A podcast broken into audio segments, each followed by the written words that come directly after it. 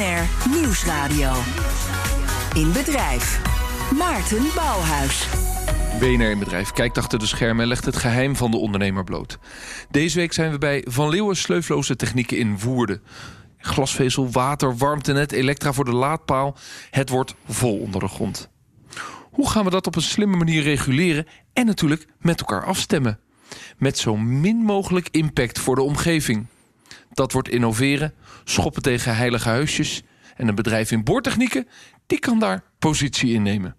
Nou, laat ik daar nou vandaag te gast zijn. Ik ga erover praten met Daniel de Raad, bedrijfsleider bij Van Leeuwen Sleufloze Technieken. Fijn dat we bij jullie te gast mogen zijn. Ja, bent van harte welkom. Even onder die grond kijken, want daar is het druk. Uh, wat gebeurt er allemaal? Wat staat er te gebeuren, beter gezegd?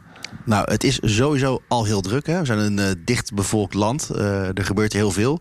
Uh, maar wat je ziet in de toekomst met de energietransitie in het vooruitzicht... en de, eigenlijk, die is eigenlijk al een tijd gaande... zien we gewoon dat er op diverse vlakken... wat betreft de nutsvoorzieningen, verzwaringen nodig zijn. Ja, dat betekent dat er heel veel plekken in Nederland komen... waar er nog meer kabels, leidingen, water, glasvezel, 5G-leidingen... of 5G een mobiel netwerk boven de grond is... maar dat heeft glasvezel onder de grond nodig. Exact. Daardoor wordt het druk onder de grond. Uh, en, en dat, dat geeft uitdagingen. Waar, waar loop je dan tegenaan? Nou, eigenlijk loop je er tegenaan dat wij zeggen... het is vol onder het maaiveld. Er ligt al zoveel en we moeten er, er moet nog meer bij. Uh, dus je loopt er gewoon mee tegenaan dat er weinig ruimte is... om, uh, om je nutsvoorzieningen aan te leggen. Is er eigenlijk een coördinator, één iemand die precies weet... hoe het er onder de grond uitziet? Ja, je hebt natuurlijk het kadaster. Dat weet ongeveer wat er ligt door middel van het systeem Klik. Uh, die weten min of meer waar alle ingemeten leidingen liggen... op welke diepte en wie de leidingeigenaren zijn. Dat is ook waar onze, wij onze informatie uithalen. Ja, dus die eigenaren hebben een leiding. Nou heb ik ooit voor mijn eigen oprit een klik uh, um, uh, opvraag gedaan. Daar klopt er niets van. Nee, daar lopen we ook wel eens tegenaan. Ja, dus daar begint het probleem al. Dat, dat, de, dat de feiten niet kloppen. Exact. Ja. Is het ook een probleem dat die, al die leidingen die er liggen... dat die verschillende eigenaren hebben? Absoluut. Uh, je bent ontzettend aan het coördineren met alle leidingeigenaren. Ik bedoel, uh, neem een Liander die gaat uh, in de regio Haarlem over, uh, over de elektra. Maar PWN gaat daar weer over het water. En in sommige gebieden gaat dan Stedin weer over het gas. Hoe gaan we dit nou verstandig met elkaar aanpakken als we nog meer gaan boren en dus nog meer leidingen gaan leggen?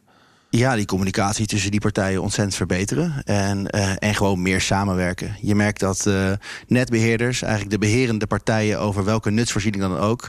Ja, dat zijn bedrijven met een historie en een bepaalde gebruiksaanwijzing. Die zijn dan gewend om op een bepaalde manier hun nutsvoorziening hè, op een bepaalde diepte, volgens een bepaalde werkmethodiek al jarenlang onder de grond te leggen. Ja, en dat sluit niet altijd aan bij innovatieve plannen. Als we alles door één buis willen trekken, bijvoorbeeld. Dan gaan Uiteindelijk zijn jullie aannemer, onderaannemer. Jullie maken de boringen. Dus ik ben ook wel benieuwd welke rol jullie dan willen pakken in dit spel van de, de nutsbedrijven. die misschien toch soms wat log zijn in hun. Uh, dat zou je zo kunnen zeggen. manier van werken of willen veranderen. Um, ik wil ook altijd stage lopen in mijn programma. Waar ga ik stage lopen? Ah, we nemen je vandaag mee naar een boormeester, naar uh, Sander... die op onze allergrootste boormachine een, uh, een enorme boring gaat maken... van 1100 meter, of eigenlijk is hij daar al mee bezig. Want 1100 meter lang? 1100 meter lang en 20 meter diep. Parallel aan de A27 tussen afrit 22 en 23... Uh, loop ik de control room binnen uh, van een boring die daar plaatsvindt. Als u over die snelweg kunt u dat zien. Heel veel uh, grote gele apparatuur en een schuine boor in een, in een hoek van een graad of 10, 15. Die uiteindelijk een honderden meters lange pijp de grond in gaat, gaat werken. En Bert leidt eigenlijk de boring. Wat doe je dan in de praktijk, Bert? Want je zit in een soort control room wat een beetje lijkt op een... Nou ja, wat een piloot om zich heen heeft, is er niets bij. Ja, valt mee. Nou, we boren gewoon de stangen de grond in en dan met bepaalde richting en hoek. En zo proberen aan de andere kant te komen. En wat gaat er dan uiteindelijk door de pijp heen? Hier komt een uh, mantelbuis in voor glasvezel. Bert is dus de boormeester, die, die bedient het hier in de control room. En, en jouw rol is Sander Lichtrink? Ik doe hier de uitvoering, ja. het werk. Ja. Uh, dus jij uh, zorgt dat het hele project goed loopt en binnen de tijd afkomt? Ja, ja dat is wel streven, ja. ja. Wat is dit nu precies voor project? Dit is uh, een route voor Adinf. Dat is een uh, bedrijf die uh, voor databedrijven routes aanlegt. Nieuwe routes en bestaande routes omlegt. En in dit geval is dat dus glasvezel? Ja. Eh, nu kwam je net uit het veld lopen. Eh, we hebben even bij de koffie eh, heerlijk in de keten op, op je gewacht. Eh, want je moest nog iets, iets meten of er, of er nog, nou, laten we zeggen, dingen in de grond liggen die er wel of niet moeten zijn? Nee, nee, het was een controlemeting voor eh, of die op de juiste plek zit. Want die pijp gaat, hoe, hoe diep de grond in? Eh 20 meter. En dan ga je dus een controle doen of er, of er niet, nou ja, ijzeren, andere oud materiaal in de grond zit. Eh, of- we hebben een, een lijn die we volgen. En of die daar eh, nog steeds op zit en niet eh, links of rechts ervan zit. Dan zijn het stukken van 10 meter die ik voor mijn neus steeds aan elkaar gekoppeld zie worden. Eh, je moet een beetje denken aan wat er gebeurt in een, eh, op een bordplatform. Dan gaan ze recht de grond in, maar hier gaan ze dus met een hoek de grond in. Eh, vies werk. Eh, die, die mannen buiten ook, hoe hou je die gemotiveerd zo in dit eh, pestweer, mag ik wel zeggen? Ja, met een bakje koffie. Ja. En ja, ze zijn het wel gewend. Het is vies werk vanwege ook eh, het water wat er doorheen wordt, eh, wordt gepompt. Want dat is de manier waarop je uiteindelijk de grond ook weer uit de grond moet halen. Ja, dat is bentoniet. Die mixen wij eh, aan en daar, die pompen we in de grond. En die spuit zeg maar, het gat voor de bolkap uit kapot. En dat voert ook alle vaste stof uit de tunnel naar boven. Eh, hoe lang moet deze lijn uiteindelijk worden? 1140 meter. Met steeds stukjes van 10 meter die er één voor één aan elkaar moeten worden geknoopt. Ja, klopt. Eh, dan hebben we die bijna die meer dan een kilometer, die 1100 meter. Eh, wanneer is het project dan voor jullie afgerond? Als eh, de buis hier weer boven de grond komt, Die stukjes van 10 meter moeten er ook weer uit. die gaan er allemaal weer uit. En dan komt er één lange buis voor in de plaats. Ja, ja, dus die stukjes van 10 meter is voorboren en dan komt er een lange buis achteraan. Ja, een plastic pijp komt erachteraan. Die trekken we terug. Hoop je nog een beetje beter weer deze week? Ik hoop het wel, maar ik denk dat het een beetje zo blijft. Helaas. Eh, eh, Bert, ondertussen de heavy metal op de achtergrond. Jij werkt altijd met heavy metal als eh, boormeester. Dat geeft jou rust? Nou ja, lekker relaxed. Ik laat de boring achter mij. Ik ben onder de indruk van het eh, zware en harde werk... wat de mannen hier nu in dit hele weer leveren. Het is dus vol onder het maaiveld. Althans, is dat wel zo? We gingen net onder een weiland door met de kabel. Goede reden voor redacteur Karin Baks om even te bellen met Fransje Hoijmeijer... universitair hoofddocent aan de TU Delft... specialist in ondergrondse infrastructuur. Fransje, Dag Fransje, je spreekt eh, met Karen Baks van BNN Nieuwsradio. Goedemiddag. goedemiddag. Hallo. Eh Fransje, er wordt hier gesteld eh, dat het vol is onder de grond. Is dat een terechte stelling? Ja, dat is heel terecht. Want eh, nou, behalve dan dat moeder aarde natuurlijk onder de grond is... die ontzettend belangrijk is voor al onze groenvoorziening... voor water en ook eh, bomen, voor koeling van de stad... allerlei opgaven waar we vandaag de dag mee te maken hebben... zitten ook alle vitale systemen onder de grond. Dus eh, elektriciteit, eh, riool, eh, heel belangrijk. Ik bedoel, riool is hetgeen wat de meeste levens gered heeft eh, in deze wereld, meer dan penicilline. Ehm, er zit eh, ook archeologie, dus onze, ons verleden zit onder de grond. Eh, palen, dus ja, het zit echt heel erg vol.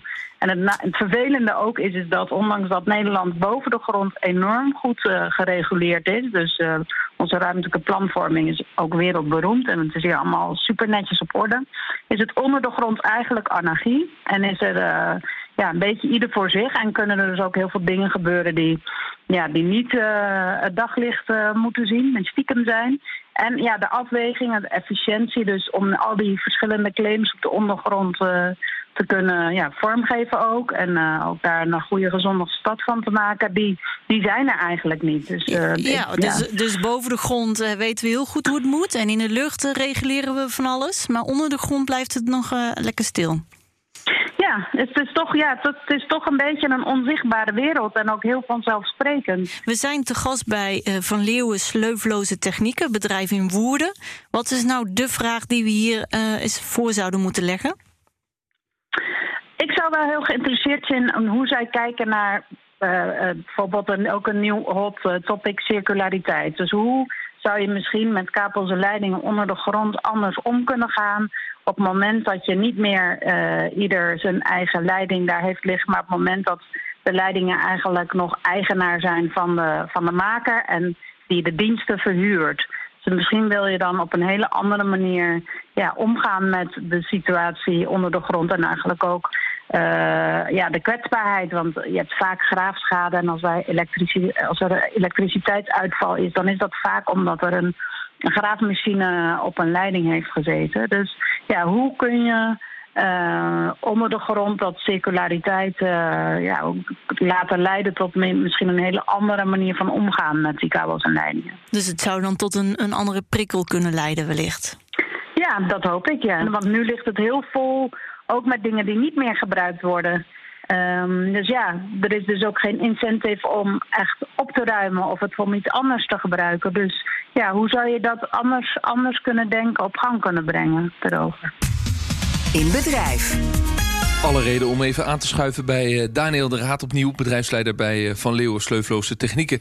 Ja, Daniel, dat is interessant. Uh, is circulariteit een oplossing om een stapje verder te komen met elkaar in die, die chaos die we onder de grond hebben en ja, ook te zorgen dat we daar minder, minder problemen hebben? Ik denk het uiteindelijk wel. Het kan ook leiden tot een bepaald cowboy gedrag, zie je in sommige landen. je hebt bijvoorbeeld wijken met een, met een stekker aan de voorkant. Dat betekent dat de ontwikkelaar eigenlijk het asset management doet op alle alle nutsvoorzieningen. Dus die is wat er in de wijk ligt, daar is hij eigenaar voor. Dat onderhoudt hij en daar rekent hij een fee voor aan de bewoners. En eigenlijk komt de netbeheerder pas ter sprake aan de voorkant van de wijk. Ja, maar dus dan is het wel overzichtelijk dat je dus één partij hebt... die beheerder is van alle uh, kabels en leidingen in die wijk. Absoluut. En waarom is, dat dan cowboy? Uh, uh, nou, dan kijk, als we het hebben over middenspanning, gas... eventueel in de toekomst waterstofgas... daar zitten natuurlijk nogal wat veiligheidszaken aan vast. Uh, en netbeheerders hebben daar een hele duidelijke, hele duidelijke rol in. Om ervoor te zorgen dat het veilig is. En als er mensen gaan werken aan zo'n systeem, ja, dat dat op de goede manier gebeurt. En ja, He, zodra commercie uh, naar de netbeheerder toekomt... Ja, dan zie je toch dat dat soort dingen misschien wel onder druk komen te staan. Dus jullie mening is dat het goed is dat er juist echt een nutsbedrijf in die rol moet blijven? Ik vind Als dat eigenaar van de leiding de, het nutsbedrijf zal altijd als eigenaar van het systeem wat ze aanbieden uh, in hun rol moeten blijven. Waar ik wel in geloof is dat je bijvoorbeeld alle leidingen in één tunnel moet leggen. Dat ze allemaal op één plek benaderbaar zijn. En uh, wat we met het Centrum Ondergronds Bouwen recent hebben besproken... wat een soort werkgroep is vanuit TU Delft... is eigenlijk dat we best wel eens aan een sleuf kunnen werken. Een betonnen bak in de grond waar gewoon alles boven elkaar gestapeld ligt. En waar we dus samen uh, voor die bak betalen. Ja, uh, en dat moet ik dan vergelijken met die sleuf die ik ook aan mijn plafond heb hangen... waar allemaal uh, verschillende kabels in liggen. Ja, misschien is dat maar dan, wat... Maar dan onder de grond, dat hebben we dus nog niet. Wat zij ook bespreekt, als het over circulariteit gaat... is het weghalen van leidingen, van oude leidingen. daar is ook vaak discussie over. Ja, van wie is die, wie moet hem weghalen, wiens verantwoordelijkheid is dit? Welke rol kunnen jullie daarin pakken? Nou, wij hebben daar een hele duidelijke rol in.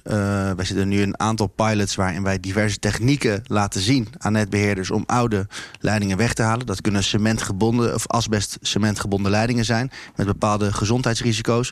Maar het kunnen ook gewoon stalen leidingen zijn. Wij noemen dat pipe cracking, pipe bursting, pipe Maar het is, dan bied je een dienst aan. Maar het is de verantwoordelijkheid van, de, van het nutsbedrijf. Van de eigenaar van de leiding. Ja, en ik denk dat wij wel onze rol kunnen pakken om daar heel erg in mee te denken. Omdat het zo voordelig mogelijk toch voor wie dan ook uiteindelijk uh, die oude rommel, laat ik het zo zeggen, uit de grond te krijgen. Ja, je kunt ook zeggen, wij doen niet mee in het project met onze innovatieve boormethodes als we niet ook leidingen weghalen. Want we hebben de verantwoordelijkheid, de maatschappelijke verantwoordelijkheid... om te zorgen dat het ook schoon blijft onder de grond. Ja, dat zou kunnen. Maar dat doen jullie niet. Dat doen we nu nog niet. Nee. Het is een familiebedrijf, dit bedrijf, al dit jaar 50 jaar hè? Ja. ja. Um, het heeft een beetje een uitvindersmentaliteit, uh, las ik. Omdat je steeds opnieuw technieken moet ontwikkelen... om te zorgen dat je op een innovatieve manier gaat boren. Hoe belangrijk is dat voor het bedrijf? Die combinatie van familiebedrijf en, en laten we zeggen innovatief zijn? Ja, eigenlijk is dat, uh, zit dat helemaal in ons, uh, in ons bloed.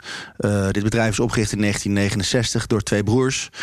En eigenlijk is er door die mannen nooit gedacht van we stoppen ermee, want er is altijd een oplossing. Daardoor is er een soort uitvindersmentaliteit binnen het bedrijf gedrongen, waardoor ook werktuigbouwkunde een hele duidelijke plaats heeft gekregen in het bedrijf. Stelkens als er een een werk is wat een bepaalde aanvalsmethodiek verlangt, ja, dan bouwen wij bij wijze van spreken een speciale machine. En Heb dat doen wij. Een al... voorbeeld van dat je op een bepaalde manier moest boren en dat je dan in huis dus met werktuigbouwkunde gaat ontwikkelen.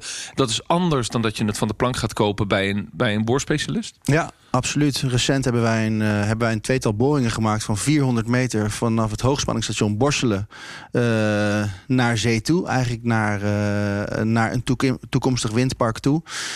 Ja, en dat, zijn hele lastige, uh, dat is een hele lastige bodemgesteldheid. En uh, het is sowieso een hele moeilijke route om dat te boren. En wij hebben daar speciale uh, een pipe pusher voor ontwikkeld... die eigenlijk in één werkgang de boring maakt. Waar we normaal meerdere werkgangen en meerdere dagen nodig hebben... om die boring te realiseren. En hoe werkt dat hier in huis? Want ik kijk uit op een enorme loods... waar allerlei stukken liggen van, laten we zeggen, boorkoppen en pijpen. En nou ja, een soort van opslagruimte. Uiteindelijk zijn jullie een bedrijf wat buiten de klussen doet. Hoe werkt dat in dat bedrijf? Heb je die werktuigbouwkundige in huis? Of ga je samenwerken met, met in dit geval uh, Tenet bijvoorbeeld... die die hoogspanningsleiding moet aanleggen? Uh, absoluut. Dat gebeurt eigenlijk wat je noemt, gebeurt allemaal. Uh, maar we hebben wel degelijk werktuigbouwkundigen in huis. wij hebben mensen die kunnen 3D modelleren. En we hebben mensen die kunnen lassen. En we hebben mensen uit de ervaring. Met, zeg maar, we hebben mensen met praktijkervaring. Eigenlijk komen die mensen allemaal bij elkaar. En daar ontstaan nieuwe ideeën nieuwe aanvliegroutes... om bepaalde technieken verder te brengen. En die kunnen we direct in onze werkplaats, die je daar verderop ziet, realiseren aan de hand van uh, professionele ontwerpen. Nog één vraag daarover. Je hebt in de bouw zijn de marges ontzettend dun.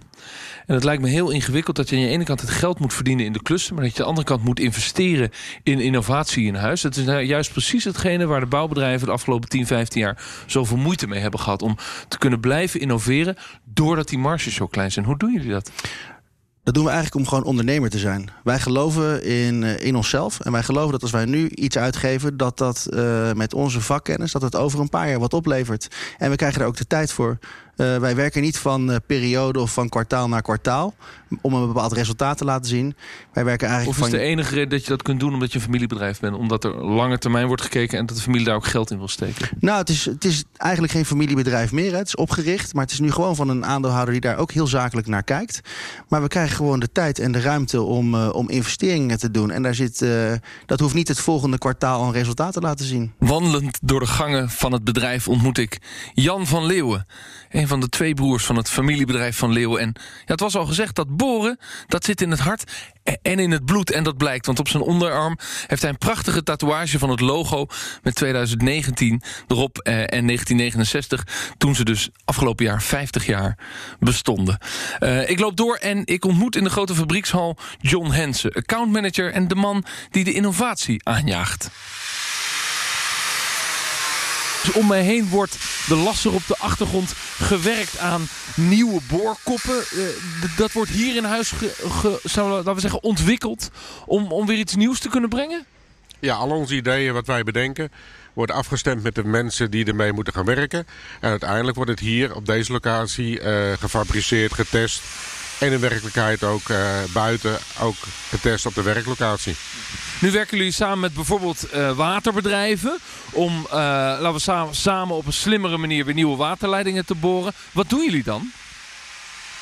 Ehm, we proberen op een slimme manier oude leidingen eruit te halen en gelijktijdig te vervangen. Zonder dat er veel overlast is voor de omgeving. En dat doen we ook voor de energiemaatschappijen. Enex, Steding en Alliander oude leidingen eruit halen, nieuwe leidingen erin trekken. Ja.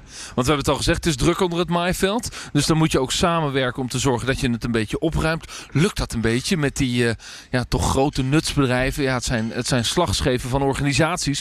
En je wil ze wel met z'n allen uh, één richting in hebben. Uh, het, is, het is moeilijk geweest, maar nu omdat de energietransitie een feit is, uh, is het uh, bij de energiemaatschappijen ook een prioriteit geworden om hierover na te gaan denken en slimme oplossingen te vinden.